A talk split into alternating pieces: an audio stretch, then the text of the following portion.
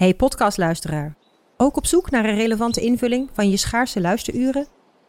Tune dan in op de podcastserie ESG, even samengevat van BNP Paribas. Wij, Marloes en Aldert, spreken daar duurzame voorlopers en wereldverbeteraars. Waarover dan? Nou, bijvoorbeeld of we ooit duurzaam kunnen gaan vliegen. En waarom koeien in de stad nou een goed idee is? Dat en meer elke twee weken in een nieuwe aflevering. Dus abonneer je. ESG, even samengevat.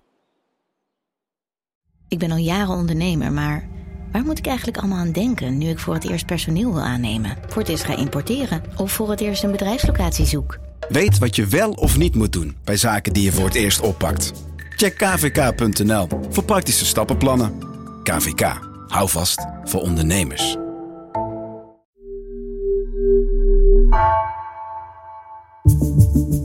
Vanaf de redactie van NRC het verhaal van vandaag. Mijn naam is Floor Boon.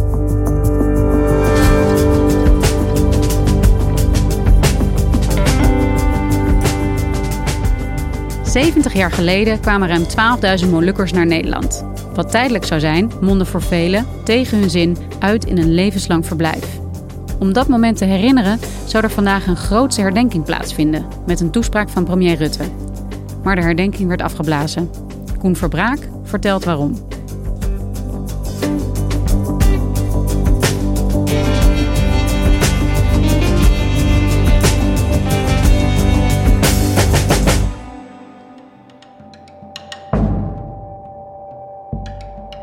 Vandaag zou er in de haven van Rotterdam iets bijzonders hebben plaatsgevonden. Er zou een containerschip de haven zijn binnengelopen, terwijl de hele haven ondertussen stil lag. Dat containerschip zou omringd zijn door andere schepen, die op het moment dat de stilte over de haven neer zou dalen, allemaal zouden uh, toeteren. Of ik weet niet hoe je dat noemt met een scheepshoorn, maar laten we zeggen toeteren. En op dat moment zou vanaf het grote containerschip een doek naar beneden rollen met daarop een afbeelding van de Cotta Inte. Het allereerste schip dat in maart 1951 aanmeerde in Rotterdam met de eerste duizend Molukkers die in Nederland aankwamen. Na de Cotta Inten, die ongeveer duizend Ambonezen naar Nederland bracht, arriveert de Atlantis in Rotterdam met een tweede contingent van 925 Ambonese passagiers. De bedoeling van de organisatrice, uh, Nathalie Toysuta, was om een, een beeld op te roepen dat alle Molukkers zouden herkennen. En de gedachte daarachter was, de aankomst destijds was buitengewoon kil. Die mensen kwamen aan, die dachten dat ze hier onthaald zouden worden. Maar daar was geen sprake van. Ze werden direct in een, in een bus gezet. Ze gingen naar uh, Amersfoort, waar ze verdeeld werden over andere plaatsen in Nederland. En vervolgens, uh, dat was het dan. In de wagens zaten zij stil voor zich uit te staren. Hier geen golvend landschap met door de zon beschenen sawas. Hier alleen maar vlak, laag land, onder laag hangende grauwe regenwolken. Er was geen fanfare, er was niet een burgemeester. Laat staan een premier die zou zeggen welkom in Nederland. En de bedoeling van die Nathalie Toysuta was om dat nu nog een keer te doen. 70 jaar na dato. Maar dan hoe het eigenlijk had gemoeten. Met een premier op de kade. En met allerlei mensen die zouden zeggen welkom. Fijn dat jullie er zijn en, en jullie hebben uh, aan, aan de kant van Nederland gevochten in de decolonisatieoorlog. Wij zijn jullie wat verschuldigd. Dat zou gebeurd zijn vandaag, maar het is niet doorgegaan. Ja, want Koen, om even helemaal bij het begin te beginnen. Wat is het verhaal van de Molukkers in Nederland die hier 70 jaar geleden aankwamen? Veel van die Molukkers eh, waren werkzaam in het Koninklijk Nederlands-Indisch leger. Daar uh, hebben ze gevochten met de Nederlandse troepen samen. En de kern van dat knil bestond uit uh, Molukkers. Die getraind waren, goede strijders waren, goede vechters waren. Uh, en die ook niet terugschrokken voor een klap extra, zullen we maar zeggen. Dus zij werden ingezet als instrument door de Nederlandse overheid om Indonesië in het gareel te houden. En uh, veel van die Molukkers zijn in de Tweede Wereldoorlog krijgsgevangen gemaakt als kniller. En je moet bedenken dat één op de vijf knillers heeft die Japanse krijgsgevangenschap niet overleefd. Hè? Dus dat is een ontzettende slag geweest. En direct daarna, direct daarna echt, toen ze nog maar net hersteld waren zeg maar, van dat kamp, uh, zijn veel van hun weer ingezet tijdens de decolonisatieoorlog die Nederland na, eh, vanaf 45 begon, waarin geprobeerd werd het onafhankelijkheidsstreven van Indonesië de kop in te drukken. En daarin vochten ze ook aan de kant van de Nederlanders. Dus zij waren heel erg verknocht aan de Nederlanders. Althans, ja, niet allemaal natuurlijk. En ze, waren ook al, ze riepen, riepen lang niet allemaal leven de koningin. Maar ik maakte van de zomer een, eh, een, een serie op de televisie voor BNN-Vara over de Molukkers in Nederland. En er vertelden bijvoorbeeld ook mensen dat ze uh, allemaal dronken uit kopjes met Koninklijk Huis, uh, met afbeelding van de koningin. Bij de geboorte van prinses Marijke, toen zaten wij in Timor. Wat voor een feest er niet opgezet werd voor die geboorte. Er stond een wieg, een witte wieg. Mijn broer moest als engel bij die wieg gaan staan. Oh ja. Ja, een groot volkfeest op Timor was dat. Want deze Molukkers, zoals jij zegt, waren dus eigenlijk vanaf het begin of van de, vanaf de oprichting van dat knil vormden zij de kern. Had dat nog een soort oorsprong? Nou, het, het had ook heel erg te maken met dat ze vaak op eilanden woonden, bijvoorbeeld waar niet zoveel ontwikkelingsmogelijkheden waren. En als je voor het, kijk, je kon uh, uh, op het land werken of je kon visser worden. Uh, maar ja, verder kwam je eigenlijk daar niet vandaan. Maar als je bij dat knil ging, kreeg je een mooie uniform, zag je iets van de wereld en kreeg je een, een, vast inkomen. Dat was natuurlijk aantrekkelijk voor veel mensen om zich daarbij aan te sluiten. Dus het was echt niet zo dat ze allemaal uh, de, hele dag het Wilhelmus zongen. Maar dit was wel een mogelijkheid om je te ontwikkelen en van je eiland af te komen. Dus ze vochten aan de kant van de Nederlanders in die onafhankelijkheidsoorlog. Uh, ik kan me voorstellen dat ze daarin dus ook heel erg tegenover hun eigen mensen kwamen te staan. Zeker. Ja. Wat betekende dat voor hun verhouding tot hun moederland? Nou ja, dat heeft het natuurlijk wel ingewikkeld gemaakt. Want toen uh, Sukarno uiteindelijk uh, het pleit wist te beslechten in zijn voordeel. Althans, toen werd gezegd Nederland sta die kolonie af, want die tijd is voorbij. Het is niet meer van Nederland. Zij, uh, Indonesië moet gewoon zelfstandig kunnen worden. Toen waren de Molukkers natuurlijk niet uh, een hele populaire bevolkingsgroep in Indonesië. Daar kun je iets bij voorstellen. Ze hadden toch aan de andere kant gestreden. En ze konden overstappen naar het, het Het Indonesische leger, maar dat deden de meesten niet.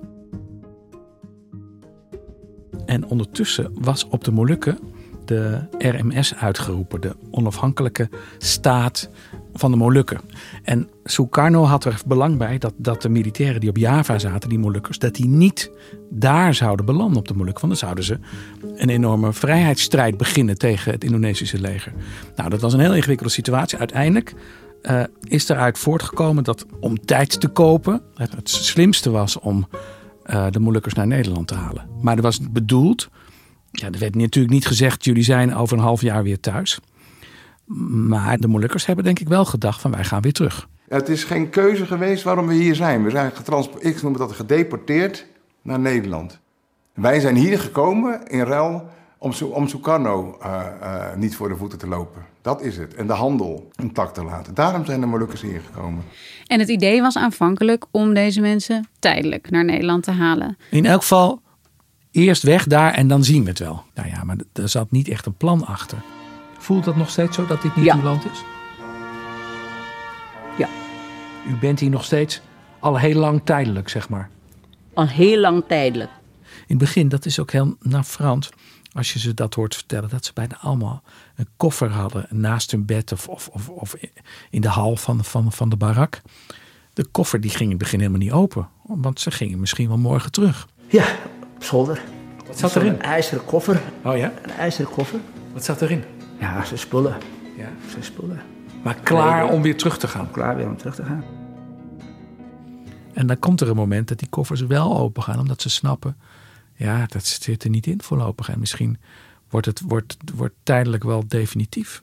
En dan, dan komt het proces van, ja, dan moeten we het hier doen. Om hoeveel mensen gaat het eigenlijk in eerste instantie? 12.500 moeilijkers kwamen naar Nederland. En dat zijn ruim 4000 knillers en hun gezinnen. Ja, dus dat is best een substantiële groep. Hoe werden ze hier ontvangen? Ze werden gehuisvest in, uh, in tamelijk erbarmelijke omstandigheden. Ze kwamen aan en ze reden met een bus, soms naar kamp Westerbork, soms naar kamp Vught, soms naar kloosters of gevangenis. En daar werden de Molukkers heel ver uit hun, van hun moeder, vaderland vandaan, werden ze gehuisvest op een hele troosteloze plek. Ah, het is eigenlijk een, een, een belabberde situatie. Het is eigenlijk min of meer een gevangenkamp. Hè? Als het een beetje uh, sneeuwt en uh, de wind waait, viel de sneeuw zo naar binnen toe in de huiskamer. Als je nu terugkijkt, is het bijna onvoorstelbaar, onbegrijpelijk dat de Nederlandse overheid onze ouders daar geplaatst hebben. Waarom denkt u dat ze dat gedaan hebben? Ik denk totaal gebrek aan empathie, totaal gebrek aan respect. Ja. Want wat was de belofte? Jullie komen naar Nederland hè, om, om, om mensen veilig te stellen, tijdelijk van uh, die chaotische situatie op dat moment in Indonesië. Zouden ze hier kunnen werken ook? Volgens sommigen was het zelfs zo dat toen ze op de boot stapten en de trossen werden losgesmeten, dat, ze, dat sommige Molukkers nog riepen: Lever de koningin. Ik ben er niet bij geweest, maar dat is vastgelegd in krantenverslagen. Uh, en toen kwamen ze hier aan in Nederland. En vervolgens werden ze van de ene dag op de andere ontslagen als knilmilitair. En waren ze dus in één klap van trotse militair uh, ambteloze burger. En, en dat ging vaak ook harteloos en meedogenloos. Gewoon met een stenciltje waarop met pen de naam was ingevoerd. En, en, dat was het dan. Als dank voor, voor, voor, voor de trouwendienst. En de drieënhalf jaar dat ze in, in krijgsgevangenschap hadden gezeten. Ze konden gaan. De manier waarop. Dat, dat doet geen eer aan, aan mensen die hun leven wilden geven.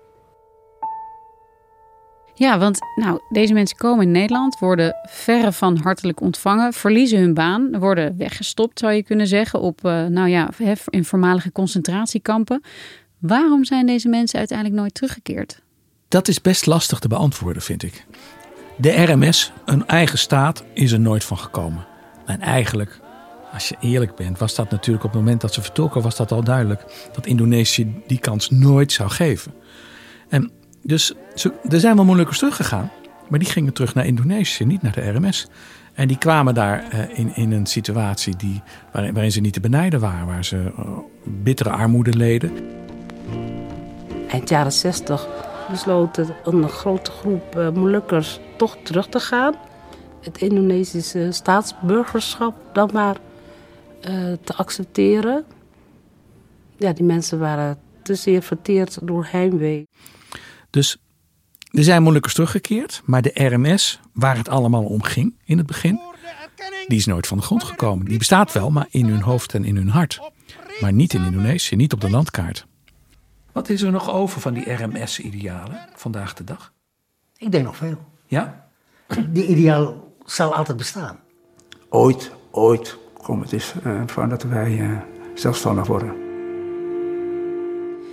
Inmiddels zijn deze mensen 70 jaar in Nederland, verschillende generaties ook Ja. al. De, vierde al, hè? de vijfde zelfs. Precies. De geschiedenis is pijnlijk, dat is ook duidelijk. Hoe belangrijk is het voor de Molukkers en voor de Nederlanders om dit moment te herdenken? Het lijkt me heel relevant om het te herdenken. En het lijkt me bijna nog eh, meer van waarde dat Nederland op een officiële manier e- e- eindelijk een keer zegt: dit hadden we het zo niet moeten aanpakken. Dat is verkeerd geweest. Afgelopen weekend had ik een interview in onze krant met eh, Dries van Acht. En die was eh, minister van Justitie in de jaren zeventig, later premier.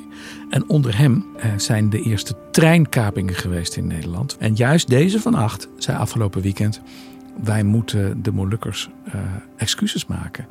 En dat moet niet alleen de premier doen, dat moet eigenlijk de koning doen. Want de koning heeft dat vorig jaar in Indonesië gedaan. Hij heeft zijn excuses aangeboden voor de excessen tijdens de decolonisatieoorlog.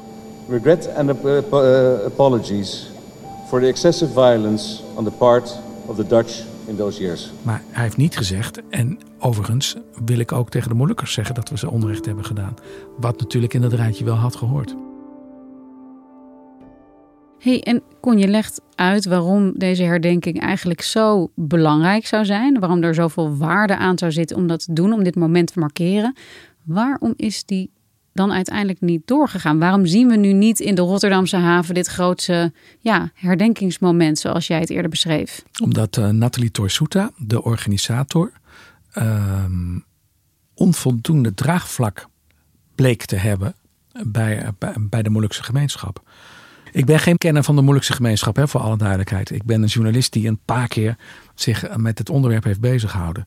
Uh, wat de reden daarvan is, is moeilijk te achterhalen. Zij zegt zelf, uh, dat heeft allerlei redenen. Ik, ben, ik heb een Molukse vader, maar niet een Molukse moeder. Ik ben niet Moluks genoeg.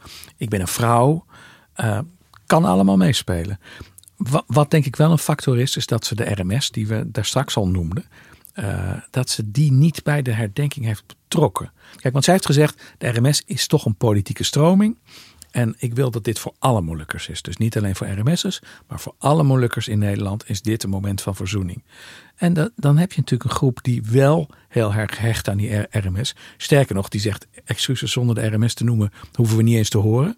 Ja, en die voelt zich natuurlijk heel erg gepikeerd dat ze er niet bij betrokken zijn. En er zijn verschillende organisaties die zich gepasseerd voelen. Die zeggen, ehm, waarom doen jullie dit zonder ons? En uiteindelijk ook, wie denken jullie wel niet wie jullie zijn dat jullie uh, ons denken te vertegenwoordigen? Ja, want waarom zou je niet alle Molukkers dan ook uitnodigen? Dus alle niet-RMS'ers, maar ook degene die daar wel toe behoren. Kijk, wat ook een rol speelt, denk ik, hè, maar dat, dat, dat is mijn interpretatie. Op het moment dat de RMS daar spreekt, en Rutte is daar ook, dat, is een, dat, dat zal Indonesië opvatten als een, eh, als een uh, vijandig gebaar. Dus als je dat niet wilt, of je wilt afroepen, dan is het veiliger om, om er niet een officiële vertegenwoordiger bij te halen. Maar als je wil dat de excuses aanvoelen als bedoeld voor het hele Molukse volk, dan is het misschien met wat je nu weet, hè, uh, was het een slimmere beslissing geweest, denk ik zelf. En wat gebeurde er dan precies? Er is dus weerstand binnen de Molukse gemeenschap. Ja, dat liep heel hoog op. Dat begon, dat begon met, met protest op Facebook en daarna kwamen de petities. Maar uiteindelijk uh, resulteerde dat ook in bedreigingen. En ik heb op haar telefoon de berichten gezien. Nou, daar lusten soms de honden geen brood van. En ze heeft ook de premier nog eens een keer zo ver zien te krijgen dat hij dat die kwam. En ik denk dan altijd, degene die niks doen, ja, die hebben makkelijk praten. Maar uh, onderneem eerst zelf wat, denk ik dan ook. Hoe ziet deze gemeenschap in Nederland eruit? Hoe verhouden de Molukkers zich eigenlijk op dit moment tot Nederland? Ik bedoel, ze zijn er misschien ooit gekomen tegen de eigen wens. Uh, nooit terug kunnen gaan, nooit gelukt om terug te gaan. Maar ja, inmiddels hier ook uh, meerdere generaties zijn hier opgegroeid. En het lijkt erop dat ze blijven. Sterker nog, de, de derde en de vierde generatie die wil ook gewoon blijven. En die, die is vaak vermengd met, met, uh, met, die zijn getrouwd met Nederlanders. En die hebben kinderen hier en die zeggen ook van ja, wij doen hier gewoon mee. Kijk, vroeger waren Molukkers vooral uh, in de ogen van andere zangers of voetballers. En nou zijn er ook hersenchirurgen en, en ingenieurs en architecten. En, en ze, ze zijn deel van de Nederlandse samenleving. Dus ik denk dat die, dat die groep ook helemaal niet droomt van een terugkeer. En uh, nou, in de vakantie misschien, maar niet om daar te wonen. Die zijn gewoon Nederlands geworden. Dus het, uh, de eerste generatie is zo goed als dood. De tweede generatie heeft het moeilijk gehad. Die kon die stap niet maken naar de Nederlandse samenleving om allerlei redenen.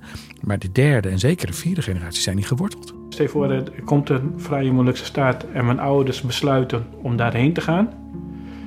Dan wens ik ze alle geluk toe. En dan zal ik zeker bij ze langskomen. Maar ik persoonlijk, ik niet. Ik, uh, ik heb mijn leven hier.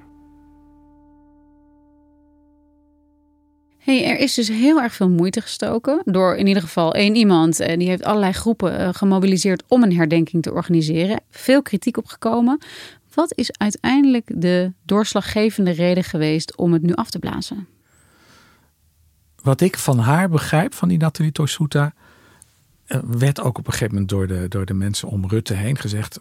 Ja, er is, er, heeft het zin om het nu te doen? Is het niet slimmer om, om de druk een beetje van de ketel te halen? En, en toen zei zij, ja, als jullie dat nu ook hebben, dan, dan gooi ik de handdoek in de ring op dit moment. Dus zij heeft uiteindelijk zelf gezegd, oké, laten we er nu mee ophouden. Maar het is geen, het is geen afstel, het is uitstel. Hè?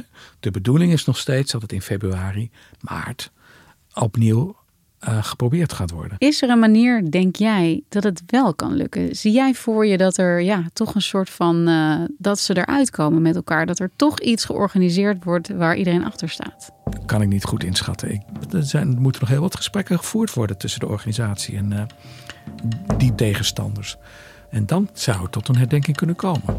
Maar er moet wel heel wat zeer gedept en gedempt worden, denk ik, voordat het zover is. En wat zij doet, en dat vind ik slim, dat is zeggen, kom maar met voorstellen. Kom met voorstellen en als het goede voorstellen zijn, gaan we dat doen. Nou, wie weet. Het onderwerp is belangrijk genoeg om te hopen dat er toch iets gebeurt op dat vlak. Want Nederland moet een keer daar echt iets over zeggen op officiële uh, wijze. Of door de premier of door de koning. Maar dat er een keer iets gezegd moet worden om dit recht te zetten. Hoe dat in de jaren 50 is gegaan, dat lijkt me evident. Dankjewel, Koen. Jij ook, bedankt.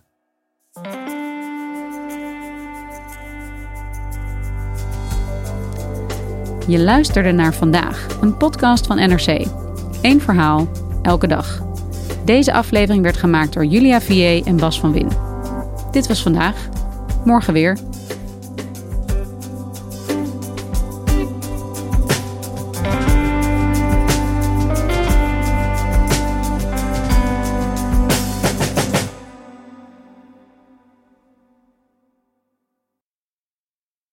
Technologie lijkt tegenwoordig het antwoord op iedere uitdaging. Bij PwC zien we dit anders. Als we de potentie van technologie willen benutten, kunnen we niet zonder een menselijk perspectief. Human-led, tech-powered noemen we dat. Ga naar pwc.nl.